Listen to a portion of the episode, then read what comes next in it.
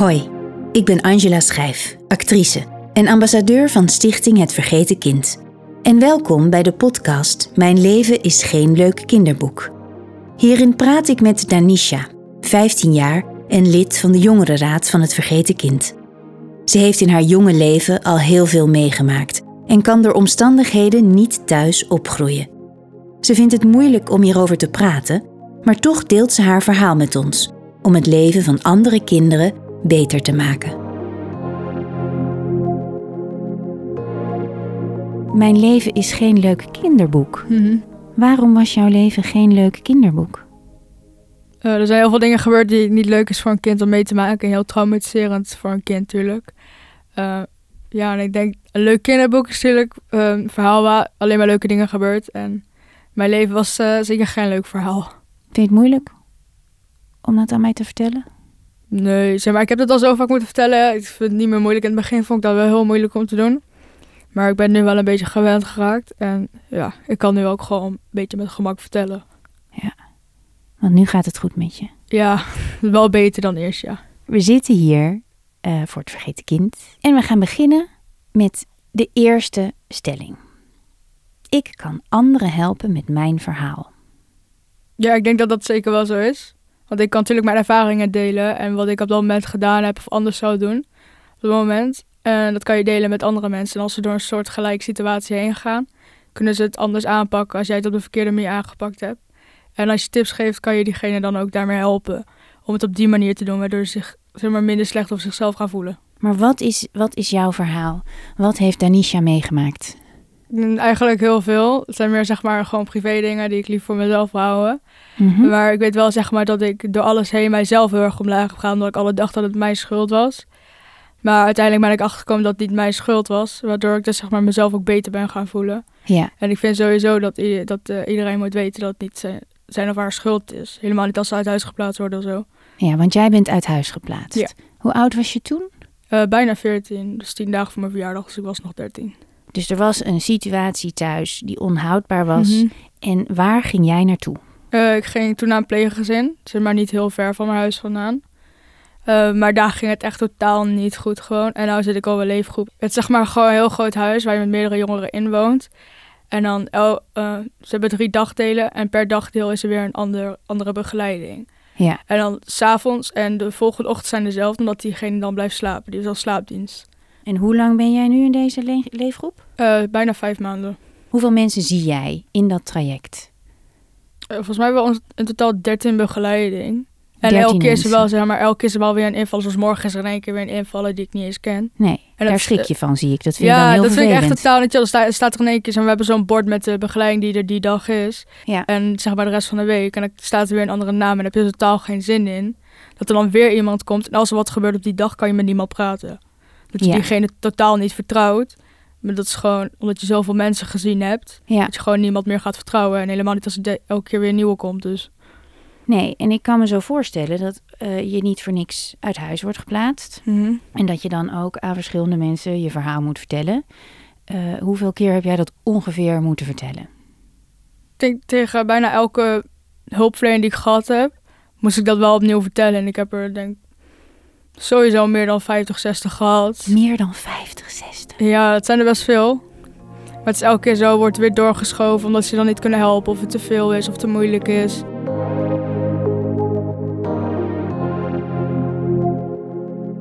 Maar ik kan me absoluut voor, eh, eh, voorstellen dat jij daar boos van wordt hoor. Want je wordt er helemaal gek van als je meer dan 50 keer eh, je verhaal moet vertellen. Mhm. Want het is een verdrietig verhaal, zie ik aan je. Ja, het is niet eh, heel prettig verhaal om mee te maken, zeg maar. Wil je er aan mij iets over kwijt? Ik heb gewoon niet zo'n hele goede jeugd gehad. Al zijn, zeg maar, is mijn moeder er wel heel erg mee bezig om alles weer op te pakken. Ik zie ook echt aan haar zeg maar, dat ze alles weer wil oppakken en oprecht bezig is met alles om alles weer goed te maken. Zodat Ja. we ook weer naar huis kunnen om thuis te wonen. Ja. Dus ja, daar ben ik wel trots op. Ja, Ja, fantastisch. ik ben echt heel trots op mijn moeder. Ja, wat fijn. En wat fijn dat, je, eh, dat jullie zo'n goede band hebben eigenlijk. Ja, ik ben echt een mama's kindje. Ja. Ik hou echt van mijn mama. Mis je haar dan niet heel erg? Ja, ik mis haar echt dagelijks gewoon. Het is gewoon, als ik mij slecht voel of zo en ik heb mijn moeder nodig. Ja, dan kan dat niet altijd. Dan bel ik haar meestal wel. En één keer in de twee weken ga ik daar ook heen voor een dag en een nacht. Ja, en dan is dat wel heel chill. als je dan daar gewoon heen kan en gewoon bij je moeder bent, dat is wel heel fijn. Dat snap ik. En wat doen jullie dan samen? Films kijken, eigenlijk voor alles en nog wat gewoon. Films kijken, meidenavond, gewoon knuffelen, gewoon praten. Zou het helpen als je bijvoorbeeld één iemand had? Dat jij ergens woonde, in een groep of wat dan ook, met maar één of twee begeleiders. Zou dat helpen? Ehm denk het wel. Zeg maar, het was sowieso wel chillen, zeg maar, qua hulpverlening. Toen ik gewoon in het pleeggezin zat, heb je gewoon... Dan zit je in een gezinssituatie. Ja, dan zit ik in een gezinssituatie. Maar ergens heeft mij dat ook getriggerd of zo. Ik weet niet, ik vond het eigenlijk niet zo heel fijn. Gewoon omdat je in een heel ander gezin komt. En je toch een beetje de buitenstaande voelt. Ik was de laatste die erbij kwam. Ik voelde me een beetje, zeg maar, een, uit, een buitenstaande en zo. En ik had niet zo'n goede band met mijn pleegouders zoals de anderen hadden. En toen ben ik uiteindelijk weggegaan. Het is niet dat ik er heel veel spijt van heb om weg te gaan. Want ik weet dat het daar ook niet goed ging. Maar eh, ik had toch niet liever op deze groep eh, willen zitten. Je hoopt zeg maar toch op een plek, dat je ooit op een plek komt waar je oprecht fijn voelt. Waar je zeg maar de rest van je tijd dat je uit huis moet zitten, zeg maar gewoon kan zitten zonder je slecht te voelen. Dat hoop je wel op. Maar soms, sommige mensen hebben daar geluk mee en sommige niet. Maar jij bent dus eigenlijk, als ik het goed begrijp, op een plek waar je niet wil zijn. En je kan niet naar de plek waar je wel wil zijn. Op dit moment nog niet. Maar op de, ik heb op dit moment er maar gewoon even bijgelegd. Hoe moeilijk het ook, het ook is op sommige momenten en hoe slecht je je ook voelt. Je moet er toch het beste van kunnen maken, denk ik. En, daardoor, zeg maar, en daarvoor heb ik mijn vrienden ook. Ja, ik denk dat dat zeg maar de band tussen mijn vrienden en mij zeg maar ook gewoon sterker gemaakt heeft. En dat vind ik wel heel chill. Heb jij nog, eh, nog tips voor, ehm, want jij bent een unforgettable, Mhm. niet voor niks. Ja. Dus je hebt 50 keer je verhaal aan hulpverleners verteld, maar je gaat het nog 150 keer moeten vertellen. Ja, Omdat jij ook volgens mij het heel belangrijk vindt dat je aan andere kinderen kan laten zien dat er dus ja, licht aan de horizon is. Toch? ja. Dus al het hoop in het leven, toch? Ja, dat is jouw tip. Er is altijd hoop. Ja, je moet altijd positief blijven denken en gewoon je doel voor ogen houden. Want zodra je gaat stoppen met het doel voor ogen houden, ga je de hoop verliezen in je leven. Mhm. Dus je moet altijd blijven denken aan je doel, zodat je ook meer hoop krijgt. Maar hoop hebben doe je ook door eh, samen sterk te staan, toch? Ja, zeker. Zeg maar, hoe graag je het ook wil om het allemaal alleen te doen. Ik heb eh, zeg maar de jaren ook gemerkt dat, ik, dat, dat je het niet echt alleen kan doen. Dat je zeker ook wel hulp nodig hebt. En dat kan van vrienden zijn, van je ouders zijn of van hulpverleners zijn. Ligt er aan maar aan bij wie je je prettig voelt. En wat je blij maakt op dat moment.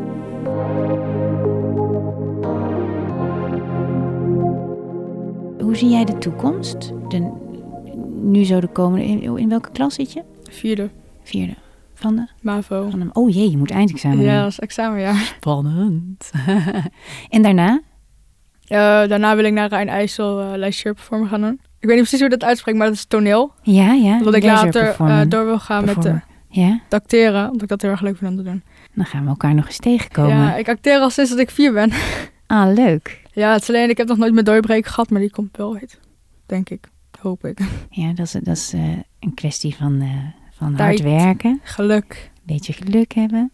En inderdaad een goede opleiding zoeken Ja. die bij je past. Ja, dat is meer de vooropleiding die ik ga doen. Omdat ik dans en zingen ook heel erg leuk vind om te doen. En eh, daarna ga ik gewoon richten volledig op de acteuropleiding. Dus je hebt een plan. En is dat acteren misschien ook iets waar je iets van jezelf in kwijt kan? Eh, ja, ik, kan, zeg maar, ik kan mezelf daar heel erg in vinden. En zeg maar, elke keer dat ik aan het dansen, zingen of acteren ben, zeg maar, voel ik me ook gelijk op mijn gemak of zo. Ik Kan mij dan, dan leid ik mezelf gewoon af van alles wat er gebeurt op dat moment. En ik vind het ook gewoon oprecht heel erg leuk om te doen. Dus dat maakt alles ook gelijk weer beter. Als je mm, een, eh, een, een, een lijn zou moeten trekken van waar je vandaan komt tot nu en waar je naartoe wil gaan. Mhm. Eh, gaat die lijn dan naar beneden of omhoog? Of is dat hoe, in hoe je je voelt? Ik bedoel dus in, in hoe gelukkig jij bent. Ja, sommige dagen zijn natuurlijk beter dan andere. Sommige dagen voel ik me gewoon prima. Maar ik heb zeker ook wel dagen dat ik me heel down voel. En Ja. gewoon niet op mijn gemak. Maar uiteindelijk denk ik dat het toch wel goed komt. Dat ik uiteindelijk toch een heel gelukkig leven kan leiden. Met de dingen die ik oprecht leuk vind om te doen. Ja. En ik denk dat je dat voor, voornamelijk voor ogen moet houden. Dat je dan een doel hebt in je leven waar je dan aan kan werken. Je bent heel positief dus. Ja. Ja, en je hebt er zin in. ja, ik ben van mezelf gewoon een positieve persoon. Ik vind wel dat je positief moet blijven nadenken. Heb je het gevoel dat je dat van jezelf hebt? Of leer je ook wel wat van je, je hulpverleners, je, je docenten. En heb ik het even niet over jouw leeftijdsgenoten. Ik ben benieuwd wat je, of er mensen, volwassen mensen in jouw omgeving zijn die jou steunen, die jou dingen bijbrengen. Mijn moeder. Mijn moeder heeft me ook heel veel meegebracht. En mijn opa en oma ook. Ja. Die hebben ook heel veel zeg maar, bijgebracht dat ik positief moet blijven kijken in het leven. En dat ik het niet zomaar moet gaan opgeven nu ik al zo ver ben gekomen. Ja, dat vind ik ook. Daarin ben je een voorbeeld voor velen, denk ik. Want je kan ook denken, uh, laat allemaal maar zitten. En uh, ik zie het wel, ik ga een beetje rondhangen en voor de rest, uh, hè? Oh ja, ik heb die tijden ook gehad. Ik denk dat iedereen wel een beetje die tijden soms gehad heeft, dat alles niet goed gaat. Maar uiteindelijk komt het allemaal toch wel weer goed, dus. Wat heeft jou dan deze instelling gegeven? Wie maakte bij jou dat, dat het veranderde? Uh, sowieso dansen en acteren, wat ik heel erg leuk vind om te doen. Uh, een passie hebben. Ja, schilderen en tekenen vind ik ook heel leuk om te doen. Maar ook mijn kleine zusje, ze, was wel echt, ze is echt altijd gewoon mijn moed geweest. En de hoop zeg maar, die ik in mijn leven nog had. Helemaal op het moment dat ik me heel slecht voelde. Dus ze wel altijd gewoon mijn hoop gebleven. Ja, en daar doe je het dan wel voor. Als je zoveel iemand geeft, dan doe je het wel voor diegene. En dan gewoon ga je door voor diegene tot alles weer goed is. En dan, ja, ik denk dat je er dan wel doorheen komt.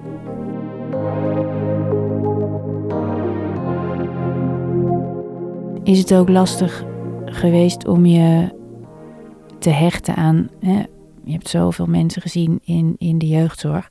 Om je aan iemand te hechten, omdat je het gevoel had dat ze toch wel weer weggingen? Ja, dat is sowieso. Uh, ik heb sowieso de laatste paar keer mijn verhaal niet eens meer verteld ik zat daar maar een beetje van, ja, ik moet hier verplicht heen. Ik heb geen zin om het te vertellen, omdat ik wist dat ze toch wel weg zouden gaan. Dus dan ga je er ook geen moeite mee doen. Dan ga je zelf ook niet de, de, al die pijn doen om alles weer op te halen. En zo, dan ga je jezelf daar ook niet doorheen slepen. Ja, dan na een tijdje denk je ook van, laat maar zitten. Dus als jij gewoon binnen de eerste pak een tien hulpverleners iemand had gevonden waar jij een klik mee had? Ja, ik had ook een klik met zeg maar een van mijn eerste. Dat was denk ik de vierde hulpverlener die ik had. Zoals het toen mijn ouders net gescheiden waren. En uh, ja, ze was daar zeg maar om het gezin een beetje weer rustig te houden en zo. Maar uiteindelijk ging ze ook weg en ik weet niet de reden waarom. Maar ik had oprecht een klik met haar en ik vond het wel chill dat zij er was. En vertelt zo iemand dan zelf van joh, ik moet weg? Of hoe gaat nou, dat? ik weet niet zeg maar hoe dat gaat. Maar volgens mij heeft mijn moeder ons toen verteld. Ik was toen vijf. Maar dat is best wel moeilijk zeg maar om dat te begrijpen als een vijfjarig kind.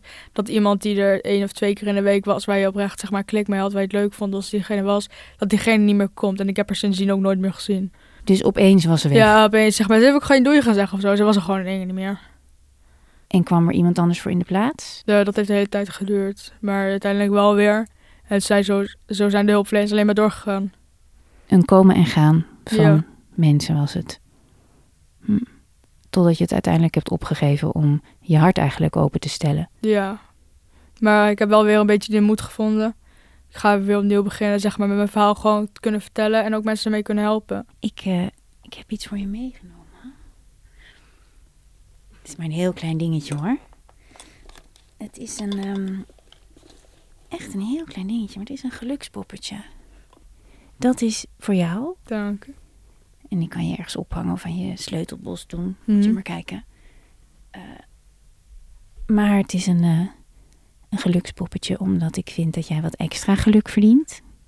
Maar ook om te zeggen dat ik heel trots op je ben. Dank u. Ja, want je bent 15 jaar. Ja. En er zit hier iemand voor mij die, uh, die een hele positieve instelling heeft. Terwijl ze uh, best wel het heel moeilijk heeft gehad. Ja. En dat vind ik knap. Bedankt voor het luisteren naar Mijn leven is geen leuk kinderboek. Ben je geraakt door ons gesprek en vind je ook dat het steeds wisselen van hulpverleners in de jeugdzorg moet stoppen? Ga dan nu naar hetvergetenkind.nl en teken de petitie.